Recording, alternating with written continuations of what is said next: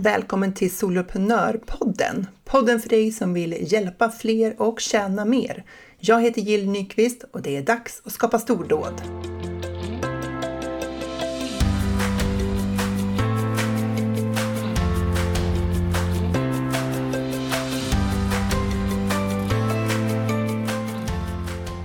Många företagare jag möter säger att de har svårt att paketera sin kunskap. De har allting så klart för sig i sitt huvud vad de hjälper till med, men sen har de svårt att göra det lika tydligt för sina kunder.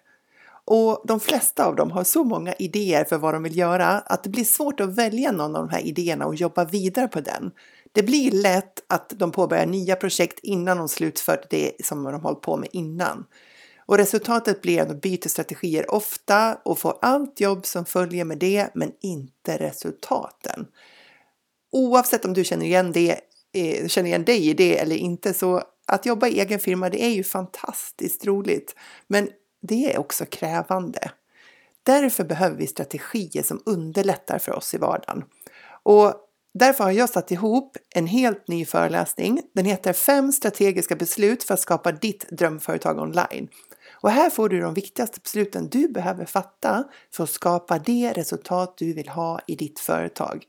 Så hoppa in och anmäl dig till den. Den är helt kostnadsfri. Det är 5 maj klockan 11 och du hittar anmälan eller inbjudan till den i min profil på Instagram solopreneur.nu eller på hemsidan solopreneur.nu.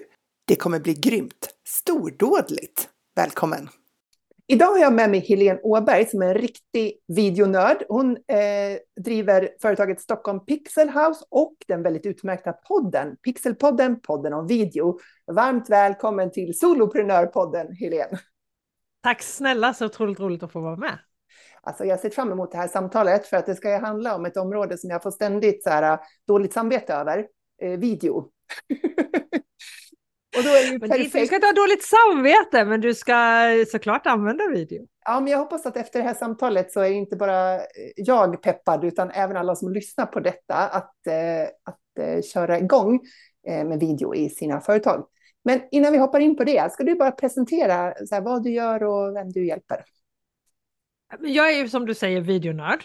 Jag har jobbat med tv och video i över 25 år. Och jag tycker på riktigt att jag har världens bästa jobb. Jag får leka på jobbet hela tiden. det känns så, som att jag leker på jobbet. Det är, jag tycker att video är så otroligt roligt och sen är det ju så effektivt.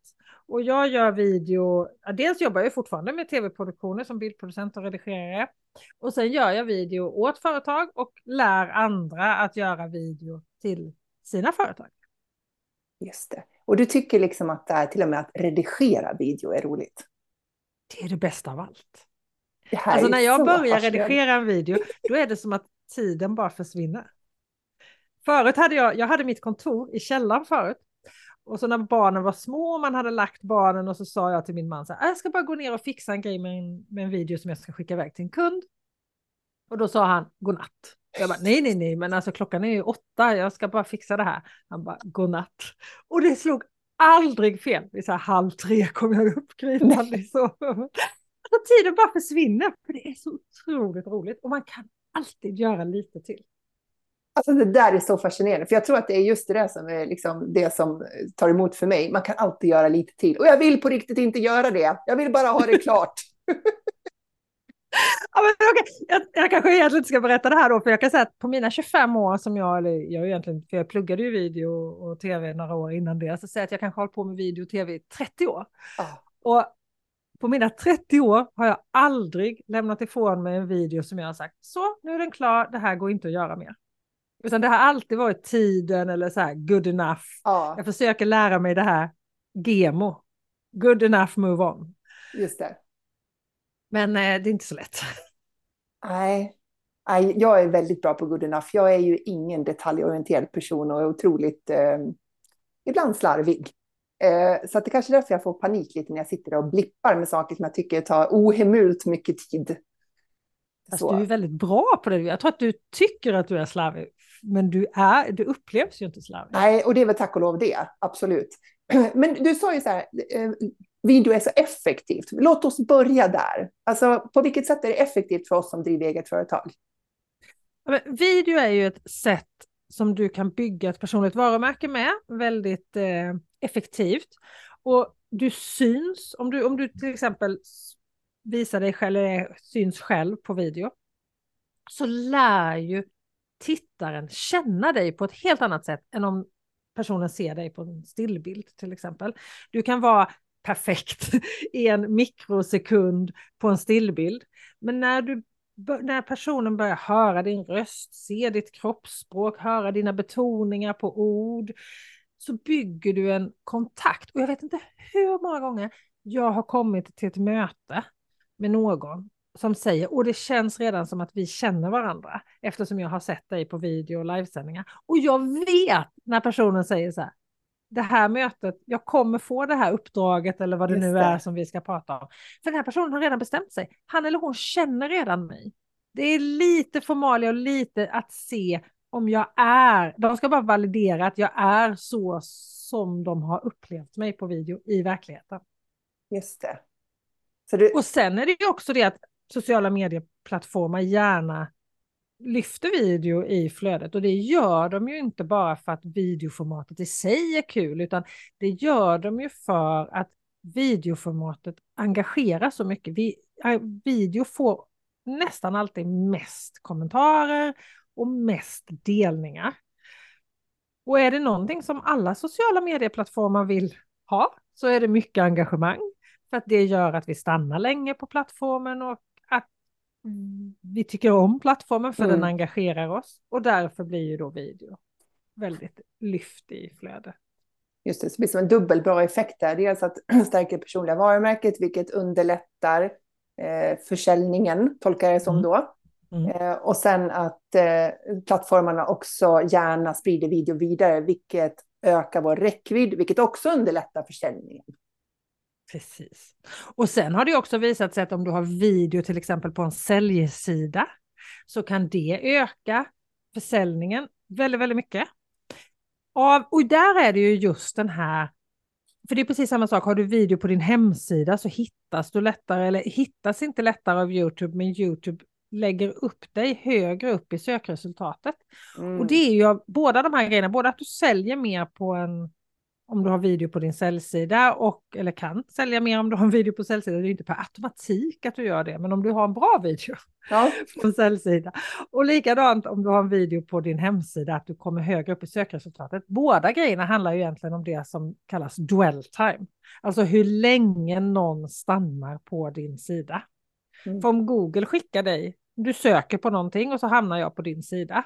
Om jag klickar bort mig snabbt då var ju det en signal till Google, ah, okej okay, det här var fel, fel träff på det här, på det här sökordet. Ja. Men om jag istället stannar länge på din sida, det vill säga börjar titta på en video på din hemsida till exempel, då skickar ju det alla möjliga signaler till Google att det här var jätterätt, här stannar den här personen superlänge. Och nästa gång hamnar man högre upp i sökresultatet. Det är ju genialiskt ju. Ja, visst är det. Och precis samma sak är det med en säljsida, för att oftast, jag menar man får ju förutsätta att du har ett bra erbjudande på din säljsida. Och är, har jag kommit till en säljsida så är jag väl förhoppningsvis intresserad ändå. Men kanske lite fortfarande lite tveksam. Men om jag börjar titta på en video om den här varan eller tjänsten eller produkten som, där den förklaras ännu mer så hinner jag, får jag den där tiden att jag hinner tänka igenom det. Det här handlar inte om att lura kunderna utan det här Nej. handlar ju om att förklara för kunderna vad det är du verkligen erbjuder. Och kanske är det så att videon visar sig direkt att nej, det här är absolut inte för mig. Men då får jag heller inte missnöjda kunder. Men de som är tveksamma och som det är rätt för, de får då mer insyn och då blir mer självklart för dem att det här är rätt för dem. Mm, precis, att man verkligen säljer till de som är en bra matchning. För de som är en obra matchning, de vill vi ändå inte ha som kursdeltagare. Eller så, för det blir ju inte bra för varken dem eller oss. Precis så. Mm. Ja, det där. Mm. Jag lyssnade ju på ett av dina poddavsnitt som handlade just om det där med poängen med att ha video på hemsidan. Och då mm. tänkte jag faktiskt att jag skulle ta mig samman och spela in en video och lägga på min hemsida. Det har fortfarande inte hänt, men jag ger inte upp. Det är fortfarande en bra Nej. idé. Jag tycker att du ska ha en video på första sidan eftersom ja. det då har visat sig att det ökar var du hamnar i Googles sökresultat och alla googlar vi ju. Ja. Så en video på, hem, på första sidan. Sen mm. tycker jag att du ska ha en video på om-sidan, alltså den här sidan om soloprenör, ah, om dig. För det är den sidan som vi går till oftast när vi går till en ny hemsida. Och där kan du verkligen få dina besökare att lära känna dig. Okej, två uppdrag. En video till första sidan och en till om mig-sidan. Precis. Uh, tror att jag klippt mig. Det kan du lägga på alla sidor sen, men det kan du göra sen. Börja med de två. Ja, jag börjar med de två. Bara det känns ju. Det finns ju en anledning till varför jag har valt podcast som mitt format. Man kan göra båda. Ja, jo, jag har både podcast och en YouTube-kanal och jag har massa video till sociala medier. Ja, ja, det är imponerande. Och du har ju också stående livesändningar på LinkedIn. Mm. Vad ger de då? Och det är så roligt. Alltså dels får du, det finns, det är ju, live är ju video 2.0. Ah. Du får ju en sån rejäl kontakt, alltså direktkontakt med dina följare och dina potentiella kunder. Där du kan svara på frågor i realtid. Det är inte så att din kund skriver en kommentar och sen får ett svar någon timme senare eller någon dag senare eller i värsta fall någon vecka senare. Ja. Utan här får ju han eller hon det direkt. Du kan ställa frågor till, till dina följare och få ett di direktrespons. Mm. jag upplever att jag lär känna mina följare betydligt mer när jag sänder live än genom andra typer av format i sociala medier och på olika plattformar. Och sen lyfts det ju det också väldigt mycket eftersom är det någonting, någon form av video som skapar riktigt mycket engagemang så är det ju livesändningar. Ja, precis. Men du har en stående tid så du kör alltid är det måndagar? Ja, nu under våren så sänder jag live varje måndag morgon klockan 8.30. Jag kickar igång veckan. Ja. Varje måndag morgon klockan 8.30 på LinkedIn och på YouTube samtidigt faktiskt. Jag har alltid varit så här, nej det här med att cross-sända mm. live, mm. att sända på flera olika plattformar samtidigt, det är ingen bra grej. Men så tänkte jag att man måste ju prova. Ja. Och saker ändras och sådär och eh, jag tänker att jag måste ändå prova. Så att jag sänder just nu både på YouTube och på LinkedIn klockan 8.30 på måndagarna. Jag är inte helt övertygad om att det är jättebra att sända på båda plattformarna samtidigt. Men jag tänker jag måste prova under en längre period. Så jag provar nu under våren. Vad skulle nackdelen vara? Jag tycker att det låter ju väldigt eh, tidseffektivt. Jo, men det är tidseffektivt. Det är det ju absolut. Och du når ju andra på YouTube som du kanske inte hade nått på LinkedIn. Men det är ju det, oftast har man ju lite olika tilltal på olika plattformar. Du har lite olika personer som eh, finns på de olika plattformarna och du kanske hade valt ett annat ämne på YouTube än vad du hade valt på LinkedIn och kanske ett annat tilltal på YouTube än på LinkedIn. Så att jag tror, men jag tänker så här, nu, nu testar jag det här och mm. så provar jag det här och sen så får vi se. För att jag hade nog inte haft bandbredd att sända live både måndagar på LinkedIn, tisdagar på YouTube, ja, onsdagar på Instagram, utan nu provar vi det här. Ja, just det. Och det är StreamYard va, du använder som verktyg för att göra det här? Nej, jag sänder live på via, ja, så fort LinkedIn är inblandad ja. så använder jag StreamYard, absolut. Sen mm. använder jag andra program också när jag sänder live ibland som iCam som bara finns för Mac-användare. Mm. Eh, och OBS som är helt gratis. Men StreamYard är ju otroligt enkelt program ja. att använda. Jag gillar det ja. jättemycket. Jag har använt StreamYard, jag har använt OBS. Jag har så här, correction. Jag har försökt använda OBS, fattade aldrig hur det gick till. Och sen har jag använt iCam som jag upplevde som väldigt eh, anpassningsbart. Och jag mm. gillade det eh, så också. Eh, men StreamYard, fantastiskt enkelt att använda och koppla ihop liksom till LinkedIn och till YouTube gick ju så här överraskande enkelt. För annars tänker man att jag tycker att det ibland har varit så här jobbigt att så här hitta rätt eh, olika nycklar som ska anges och det är lite så här besvärligt ibland tycker jag att koppla ihop saker. Men det var ju så otroligt enkelt. Ja, jämför, man, jämför man OBS med StreamYard ja. som är OBS, där ska du göra allt själv. Du ska kunna allt. Du ska ja. koppla streamnycklar och ja. hit och dit. Och det, alla inställningar måste du göra själv och så StreamYard som gör allt åt dig och du sänder och fokuserar på ditt innehåll. Nu har ju StreamYard dessutom kommit med en uppdatering där man kan eh, anpassa utseendet mer själv. mer, alltså inte så mycket som ICAM, men. Eh, mer. Åt det hållet. Ja. Risken är, nu ska vi inte snöa in på det, men, men en reflektion är ju när program blir mer sofistikerade så blir de ju också, det blir mer att lära sig. Så att ja, ibland finns det en poäng så. med att det är lite cleant, att det är väldigt avskalat och du kan göra det här, det här eller det här, men det är det. Liksom. Mm. Det har ju varit en fördel med StreamYard, men jag tror att ja, de har väl, jag känner ju själv att jag blir begränsad av StreamYard ibland. Mm. Eh, såklart, eftersom jag använder ICAM då när jag vill göra mer avancerade saker. Mm. Men jag tror att hittills det jag sett av StreamYard och deras, de har ju gjort så att man kan göra webbinarier StreamYard också. Mm.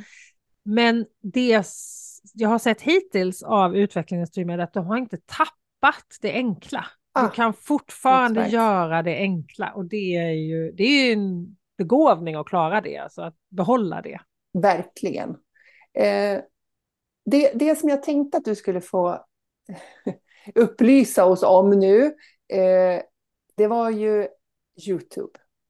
Mm. Så om vi pratar lite om YouTube, för det är ju liksom videomecka. Drottningen av video. Det är fantastiskt. Alla ja. företag borde finnas på YouTube, säger jag. Ja, just det. Varför? Varför? Ja. Att YouTube är fantastiskt. ja, men alltså, jag blev ännu mer övertygad när senast eh, undersökningen Internet och svenskarna kom. Ja. Det var ju 90 någonting procent, 94-96 procent av alla svenskar är på YouTube någon gång. Ja. Och det var, var det 3 eller 4 procent som skapar eget innehåll på YouTube. Oj då. På Instagram är det 50 procent av användarna som skapar eget innehåll på Instagram.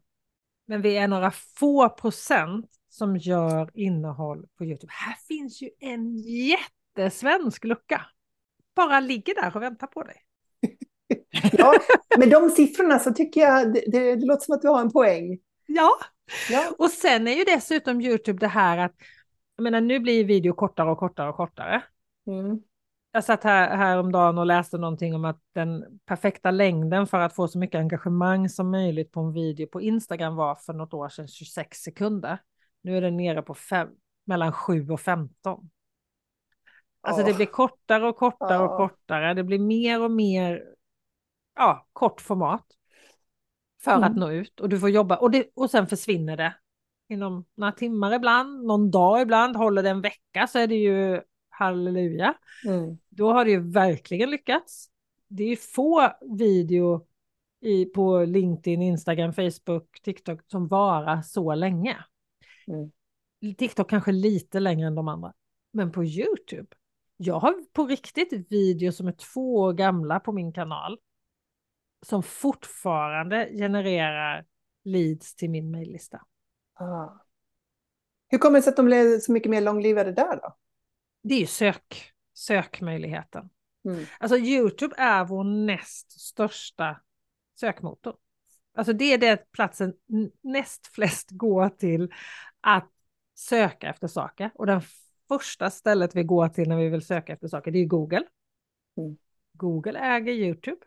Det är klart att Google hellre skickar ett, en träff till YouTube än till något annat som de inte äger själva. Sen kan de ju inte bara skicka till mm. YouTube såklart. Men det är ganska vanligt när du söker på YouTube att du högt upp på första sidan får ett gäng videos inom det området som du söker. Mm. Och där har du ju alla möjligheter. Hur du gör din rubrik, hur du gör din beskrivning på YouTube och använda dig av sökordsoptimering, alltså eller SEO helt enkelt och därmed inte bli lika i händerna på algoritmen som du blir på till exempel Instagram. För att det är sökbaserat snarare än liksom, ska säga, beteendebaserat? Eller? Ja, sen är det ju beteendebaserat också. Mm. Alltså Youtube visar ju en video, när jag loggar in på Youtube så, så går ju algoritmen igång lite bakvänt egentligen mot eh, mot Instagram, för här, där går den igång som att vad kan du vara intresserad av att se? Baserat på vad du har tittat på innan. Just det. Ja. Och sen visar den det, skannar den av vad som finns av det och ger det till mig. Lite så, mm. samma som TikTok. Mm. Men det här gör ju att du har ju liksom dubbelt att jobba på. Du kan jobba dels mot algoritmen men också mot den här sök, sökoptimeringen. Vilket gör att det lever så länge. Ja, för mm, jag vet inte, det är många av oss som har sökt på YouTube, särskilt kring så här, eller också bara jag, tutorials. Ja. ja, för att läsa någon form av så här, någonting i något system som man inte hittar lösningen för och så där, som hur man gör olika saker. Och eh, vad är det då för, eh, för någonting som, som man ska tänka på? Är det, är det rubriksättning eller beskrivning, eller är de lika viktiga, eller hur sökoptimerar man på YouTube? Ja, alltså rubriken blir ju otroligt viktig. Ja. Den är ju jätteviktig. Och sen är det ju precis som på en hemsida, alltså den översta stycket, första delen i beskrivningen behöver ju ha, egentligen ha med alla dina sökord, precis som en text på en blogg eller en hemsida behöver ha med. Ju högre upp i texten du är, desto viktigare är det. Mm. Sen har du ju också den här tumnagelbilden. Mm. Och den där ser man ju ganska ofta, och jag har själv gjort mig skyldig till det massor med gånger, att tumnageln blir egentligen samma sak som rubriken. Mm. Men tumnageln ska ju snarare spela på dina känslor. Mm. Så att mhm. du ska klicka på tum... För att när du söker på någonting så jobbar ju rubriken för dig. Ja. Eller din kund söker på någonting så jobbar dina rubriker för dig. Ja. Och så hamnar de så att det hamnar en video från dig och så hamnar det lite andra videos. Och då ska ju din tumnagel locka till att de klickar på just din bild. Och där vill du ju spela på känslorna. Jaha, så du menar att eh, man ska inte ta rubriken från textrubriken och liksom rubriken på videon, utan man ska skriva någonting annat där som liksom förstärker varför man vill klicka in sig på den. Precis. Och hålla det, vara väldigt fåordig där. Rubriken kan ju vara liksom några, den kan inte vara jättelång, den ska ju ändå vara läsbar även i telefonen eller så här, mm. att, den, att det inte bara blir punkt, punkt, punkt. Jag har en tendens att göra lite för långa rubriker ibland. Jag med. Mm. Men, men den bilden ska ju vara så här millisekund, att, den ska, att man ska förstå. Liksom. Är det, handlar det om att så här får du mer följare på Instagram, då är ja. det 0 till 10 000 och som pil upp. Eller du vet att det är liksom, det ska vara jättetydligt och det ska vara direkt och väldigt konkret i den där bilden. Inte liksom så här får du fler följare på Shit, Jag känner mig träffad direkt. Ja, okej, okay, men det var ju jättebra och tips. Det här är någonting som jag testar, för att min YouTube-kanal, jag har jobbat åt andra på deras YouTube-kanaler och gjort material till deras YouTube-kanaler. Mm. Men jag har varit väldigt skomakarens barn med min egen. Ja, så för två så. år sedan så tog jag tag i min kanal. Jag hade några videos och mycket sånt här som jag har testat som jag inte har lagt upp offentligt för att jag har testat åt kunder på min egen kanal. Ja, testa ja. och liksom funktioner och sådär. Eh, och, så jag hade liksom två skvalpande videos där för fyra år sedan. Och sen för två år sedan så tog jag tag i den. Och eh, gjorde väl det här klassiska misstaget att jag liksom eh, startade lite för stort och lite för brett på för många, för många håll samtidigt och kände att någonting got to go. Jag ja. måste släppa någonting just nu. Och då släppte jag Youtube-kanalen, vilket jag egentligen ångrar något så fruktansvärt. Och framförallt när jag nu två år senare fortfarande ser hur de videorna som jag då gjorde för två år sedan genererar nya mejlkontakter till mitt företag. Ja. Efter två, varför släppte jag det? Ja, Men nu är jag igång igen. Ja, ja det är bra. Mm. Eh, och, och det är inte, alltså där, nu pratar vi någon månad tillbaka, min YouTube-kanal är absolut inte stor, den har 650 följare kanske. Eller prenumeranter heter det. Ja, just det. Mm.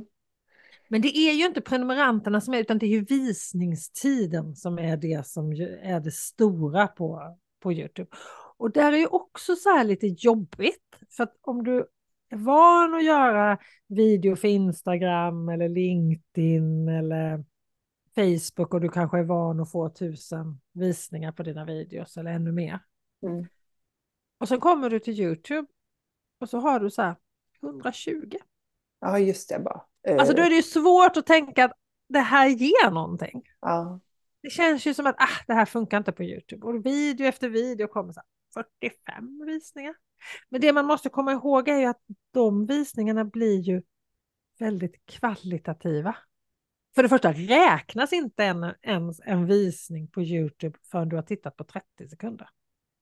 Nej, just det, så det är lite högre krav för att det ska räknas som en visning. Precis, på LinkedIn eller Instagram då räcker det med att någon har sett tre sekunder.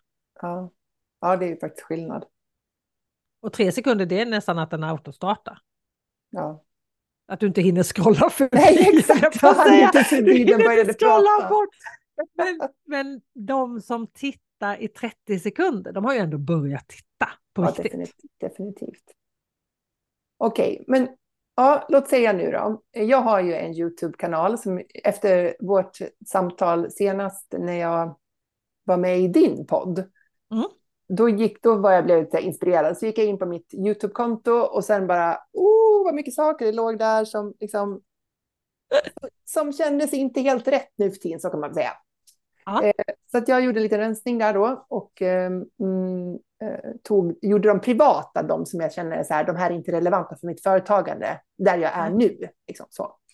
Så att jag känner mig lite grann så att jag, det är någon form av omstart. Då. Jag tror att de prenumeranter jag har, de, de har börjat prenumerera för att de kommer från Funka med ADHD-hållet, liksom, mitt, mitt andra ben. Mm. Så.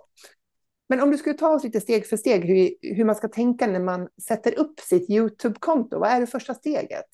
Ja, alltså, det är egentligen på samma sak, sätt som alla sociala medier, så här, vem är det för?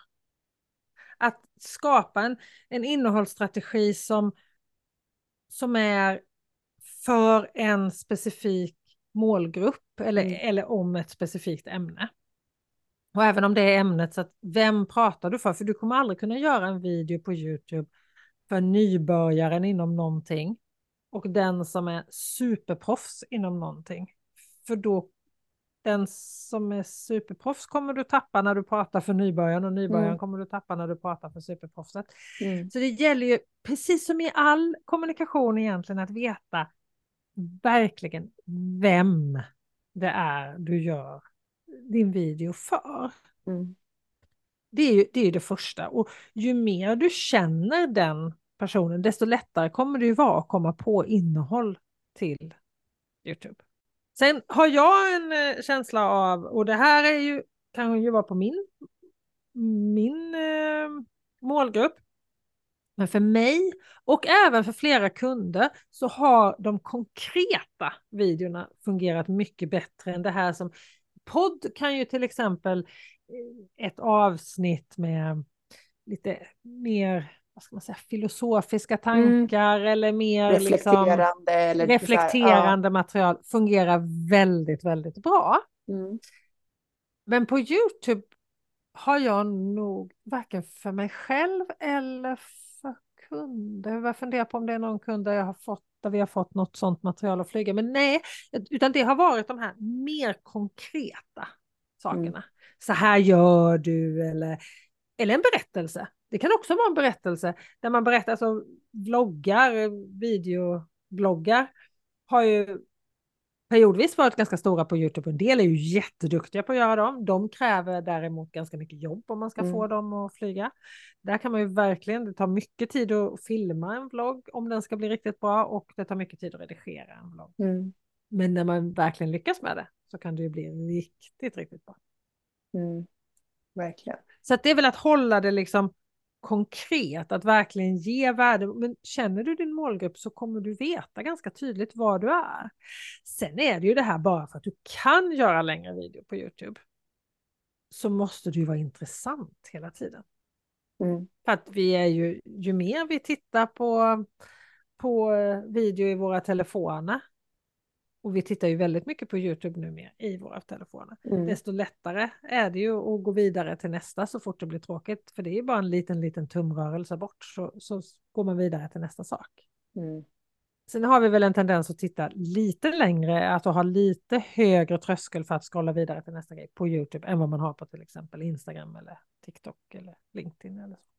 Just det. Men man kan ju också se det som en så här, att det är något positivt med det här att det behöver inte vara 25 minuter video. För det tar ju också längre tid oftast. Ibland är det också Ibland är det svårt att hålla sig kort, för att det är en konst att summera det viktigaste på kort tid. Så att jag ska inte säga att det är superenkelt alla gånger. Men, men likväl att man behöver inte... tänka att man behöver göra någonting långt för att det ska vara värt. Liksom. Nej, nej.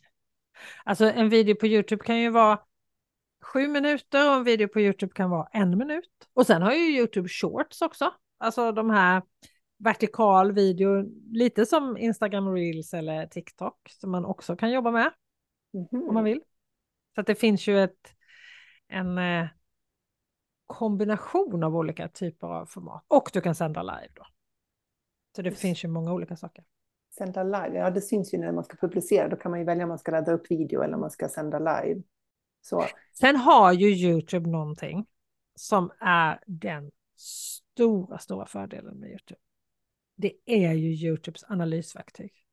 Ja. Alltså du får så mycket insights om din målgrupp, dina tittare på Youtube. Du ser, alltså det, analysverktyget är så detaljerat och du får precis här, vad var det som fick någon att börja titta? Var det, hur stor klick, klickfrekvens hade du på din tumnagel? Du, och du kan också gå in och när du ser så här, men det här funkar inte alls. Ja, men gå in och ändra tumnageln då. Går du in och ändrar i efterhand på LinkedIn eller Instagram så blir du lite straffad. Ja. Du ska inte, helst inte ändra i ett, ett redan publicerat inlägg.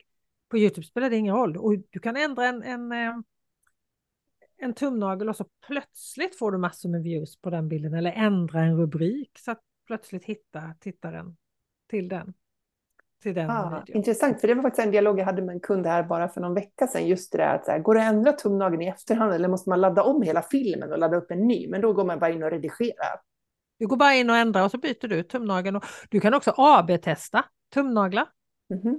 Precis som du kan AB-testa en rubrik i ett mejl program eller sådär. Att du har två olika tumnaglar till samma video och så testar du vilken av dem gick bäst och sen så låter du det vara så i en vecka eller någonting och sen så tar du bort den som går sämst och så mm. väljer du den som går bäst. Och till slut hittar du ju ett mönster i vad det är som funkar. Just det. Det är ju, då får du ju också, men du får, du får, du ser var i videon tappar du dina tittare. Mm. Och då får man ju gå och ta, men okej, vad, vad är det jag gör på 303? ja, jag, här är jag ju faktiskt jättetråkig. Det blir vettesegt här. Eller vad det nu är. Liksom. Ja. Och jag, jag har till exempel lärt mig att jag avslutar mina videos innan jag avslutar. Det hörs nog på hela mitt sätt att prata. Eller jag märker ju nu att jag hör själv eh, att jag av, mina videos tappar jättemycket de sista 30 sekunderna. Då har du börjat avrunda och det hörs. För då har jag börjat avrunda och det hörs. Och det är ju någonting du absolut inte vill på Youtube. För du vill ju att de ska fortsätta titta på nästa video i en spellista hos dig eller gå till en annan av dina videos. Då rankas ju dina videos ännu högre. Aha, så det gäller att hålla energin öppet liksom, och göra ett lite mer abrupt slut.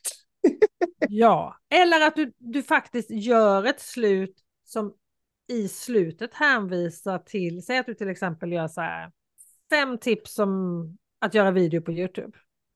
Och så har du gått 5, 4, 3, 2, 1. Och det, eh, nummer ett, det har jag faktiskt gjort en helt egen video om. Ja, ah, listigt. Ja. Så du kan ju göra på många olika sätt, men, men att det liksom blir en del av din video att titta på nästa till exempel. Just det, att man tänker sig en serie och, och, och mm. liksom producerar efter det. Och nu kan du också lägga din podd på Youtube. Hur då? Ja, du gör en video av den och så har, finns det finns en liksom flik som är podcast och så gör du en video av din, antingen att du pratar in i, alltså att du pratar in i en kamera när du gör videon, ja, men eller att du gör en ljudfilm med bara en grafisk bild.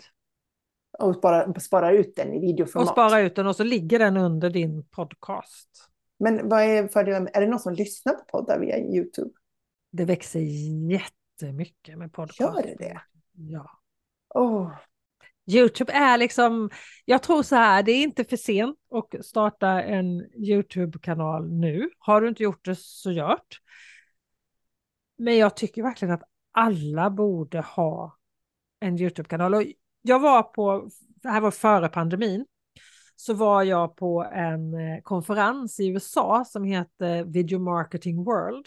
Mm. En helt fantastisk, ni vet en sån här konferens, det är ganska många där, men man sitter kring runda bord hela tiden. Så man sitter inte så här på rad utan Nej. så fort det är mellan olika talare och det fanns oftast ganska mycket tid att sitta och chitchatta vid bordet och så mellan de olika talen så här. Jättefantastisk eh, konferens och det här var ju då två år sedan. Och då var det en person, ganska stor amerikansk youtuber, som sa eh, om du om två år en, känner dig nöjd med de videorna du publicerar på Youtube idag, då har du börjat för sent. Jag försöker ha det som mantra när man ska göra, testa alla olika nya saker. Nej, jag behöver bara gå tillbaka till mina första poddavsnitt av Pixelpodden, på och video. Ja. Alltså de första avsnitten, oh, wow, det är lite så här. Ibland när jag tänker så här, någon säger, ja men det här har jag gjort ett avsnitt, just det, det var de Aha. första. Det ska jag verkligen ja, rekommendera att de lyssnar på det här. Vill man verkligen berätta det? Ja. Mm. Ja, jo, men det nu så här 140-150 avsnitt senare så har man ju ändå fått någon form av rutin får man ju hoppas och någon form av vana. Men mm. så måste det ju vara med allt. Vi måste ja. ju få vara barn i början. Ja, och jag tänker precis. Jag tänker att det finns någonting. Eh, om man, om man om man som vi som jobbar med företagare och hjälper företagare att utveckla sin marknadsföring på olika sätt till exempel, så finns det ju något väldigt lärorikt i det där också att, att visa att så här, ja, men vi börjar alla någonstans. Liksom. Och går jag tillbaka på mitt Instagramkonto till exempel på soloprenör.nu och så tittar jag på mina första inlägg och så bara, ja, den här fick fyra likes. Ja, yay. Det var, liksom, det var det. Och ibland gör man inlägg idag som bara får fyra likes för att man måste testa nya saker. Och så, man måste våga prova och det är det som är så häftigt med sociala medier och även Youtube, att prova. Mm. Att våga prova olika saker. Så, nej, det flög inte. Nej, det här funkade inte. Då får jag tweaka på det lite om jag fortfarande tror på idén eller så får jag lägga ner den. Om man går in på, om man inte har någon YouTube-kanal idag och så ska man gå in och skapa en, måste man ha ett Google-konto då? Eller hur funkar det rent praktiskt? Kan man, måste man skapa någonting först för att kunna skapa, vet du? Ja, du, alltså Google är ju kopplat med, med YouTube. Ja. Men du behöver ju inte använda en Google-adress som din mailadress på, på YouTube, utan det kan du ju ha en annan adress. Men ja. du, det blir ju kopplat till Google, absolut. Har du något poddavsnitt där du går igenom liksom rent praktiskt hur man eh, drar igång med YouTube? Eller? Annars kanske det kan vara en idé? Det har jag inte, men det borde jag ju definitivt göra ett, eller hur? För sådana som, som jag som behöver lite steg för steg instruktioner. Om du inte har ja, men en Det borde jag ju definitivt ha. Eh, borde ha både en video på YouTube och en, ett poddavsnitt om det. Så att det ja, finns för alla. För när jag var inne där och gjorde, försökte göra en liten makeover på min kanal, då såg jag det så här, det finns ju så här omslagsbilden, hade jag ju glömt vilken jag hade där, för jag inte varit där på ett tag. Och så var det lite så beskrivande text och så kunde jag göra någon kort länk till mitt YouTube-konto och så där. Så det var ju lite så här fix att hålla på med där. Mm. Det um. finns en hel del man kan göra där. Mm. Och skapa olika taggar och sökord och så där som man kan liksom bli hittad via och så där. Mm. Det borde jag ju verkligen göra. Ja, Tack för tipset. Till. Ja, men då blir det som ett litet ja, Det kommer i Pixelpodden ja. video. Ja, utmärkt, utmärkt. Så, eh, om du skulle skicka med någonting nu till någon som blir lite inspirerad om det här med video eh, och Youtube-kanal, vad skulle du säga är liksom ett bra första steg för den personen som står, står i startgroparna för Youtube-kanal? Gjort gjort. Nej men så här, det är så många som går och, och, jag vet, jag har själv varit där, som tycker att det är så sjukt läskigt att synas på video. Och har precis kommit över steget att synas på stillbild. Ja, just det. Att ja, synas på där, selfie, ja. alltså att ta en selfie och lägga ut i sociala medier kan vara nog så jobbigt. Ja. Eh, ibland kan jag tycka att det är svårare än att synas på video. För då, det är så lätt att ta om och så det känns som att den behöver vara mer perfekt än video. Jag kan låsa in mig där själv. Men när det kommer till video så handlar det om så här, alltså vi, vi, vi träff, du träffar ju flera människor varje dag, du syns hos dina kunder, du syns hos massa olika människor, både bekanta och vänner och kollegor och ja, affären eller vad som helst. Och de gillar ju dig. Den ja. enda som är ovan att se dig själv, det är ju du. Ja, så är det ju faktiskt. Och den enda som tänker på hur ditt hår ser ut eller hur tröjan sitter eller vad det nu är. I nio fall av tio så är det du. Mm. Vi tittar, vi, har, och har du dessutom bra innehåll, då tänker man absolut inte på det. Nej. Nej, det är väl det att vi blir väldigt eh, självcentrerade när det gäller liksom hur vi ser ut och sen hur man låter. Och det är ju för att vi inte är vana, för att det är vanans makt. Vi är vana att se oss själva spegelvänd till mm. exempel. För att vi är vana att se oss själva i en spegel. Ja. Och plötsligt på video så ser du, du tycker inte ens att du ser ut så som du ser ut. Och många av oss, när vi ställer oss framför en spegel, vi ler lite. När vi rättar till kläderna. Och så vi känner ju mest igen oss själva leende. Och så plötsligt ska du se, ser du ut när du pratar. Jag har märkt massa olika små tics och konstigheter som jag gör när jag började synas framför video. Och jag kan ärligt erkänna, jag var inte rädd för vad min målgrupp skulle tycka när jag började synas på video. Jag var nervös för vad mina vänner skulle säga, vad mina kollegor på tv skulle säga. Ja, just det. Ja. Det var jag rädd för. Mm. Och helt ärligt, de skiter i om jag är på video eller inte. De säger så här, kul såg dig, har jag gjort något riktigt? Jag gjorde en video för ett tag sedan, jag satt på det här flera månader sedan nu, men jag satt med en påse på huvudet. Ja, det var jätteroligt. Pratade om att inte synas på video. Ja. Och då fick jag lite gliringar. Så här, ah, går du utan påse på huvudet? Ja. Det får man väl bjuda ja. på då. Ja, absolut. Det är liksom inte, det är värt, det ger så mycket mer än vad det kostar att synas. Ja, men det är ju jättebra tips för att eh, många av oss som driver företag har ju behov av fler kunder. Och mm. för att få fler kunder så behöver vi liksom nå ut och öka vår räckvidd. Alltså vi behöver få fler människor som uppmärksammar det vi har att liksom marknadsföra, sälja, erbjuda allt det där. Och eh, då behöver vi ju lägga vår tid och kraft på de marknadsföringskanaler som ger störst potentiell utdelning, tänker jag. Och, och här är ju YouTube en... Alltså fatta att det är några få procent av oss svenskar som gör video till YouTube.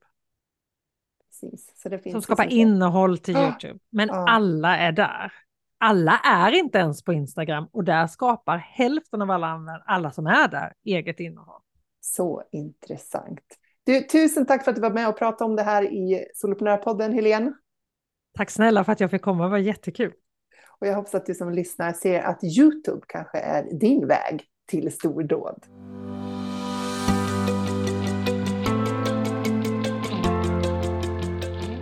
Stort tack för att du lyssnar på Soloprenörpodden. Jag är så glad att ha dig här.